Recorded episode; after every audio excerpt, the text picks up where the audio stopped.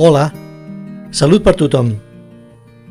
Els terapeutes actuals qualifiquen el perdó com un dels processos guaridors més rellevants pel restabliment del nostre equilibri emocional, social i psíquic, malmès per una ferida produïda per un agressor extern. Per què ara, i no un clàssic de manual dins els tractats de psicologia més utilitzats? Doncs jo m'arriscaré avui afirmant que aquest menyspreu històric amb el que la ciència ha tractat el perdó és degut al seu substrat religiós que alguns especialistes, potser més del compte, han estigmatitzat la seva pràctica pel simple fet del seu origen. És com si rebutgéssim la importància i existència de la gravetat terrestre pel fet que Newton era un fervent creient cristià. Doncs no. El perdó, igual que altres accions proactives que estan recomanades a la Bíblia, encara que daten de més de 2.000 anys, són plenament vigents al segle XXI, i una d'elles és la que m'estic referint en aquesta curta ressenya que es troba recollida en el revolucionari Sermó de la Muntanya. I dic revolucionari perquè a criteri de molts teòlegs i crítics va significar, per l'època en què es va escriure, el discurs més subversiu que mai ha estat dictat. Però en concret el perdó té una doble vessant – ja que afecta i capacita per sanar tant l'agressor com l'agredit.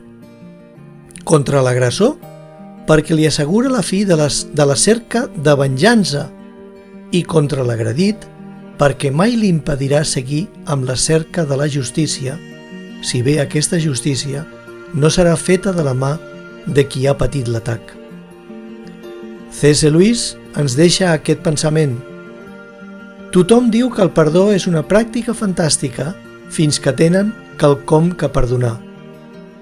M'identifico molt amb aquest pensament, perquè cada cop m'és més difícil perdonar algunes actuacions de certs polítics, la injustícia dels que havien de representar-la, les persones que fan de la delinqüència la seva forma de vida, aquells que trenquen sense pietat la innocència dels infants, els abusadors que no respecten la major debilitat del seu proisme, els fonamentalistes exacerbats que en nom de Déu fan inqualificables barbaritats i un llarg etc etc.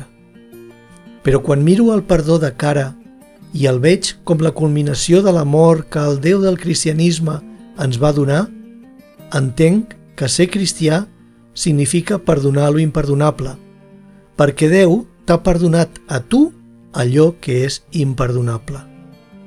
Perquè fent això, practicant el perdó, portes salut a la teva vida i pots fer del teu entorn i per extensió del món un lloc millor.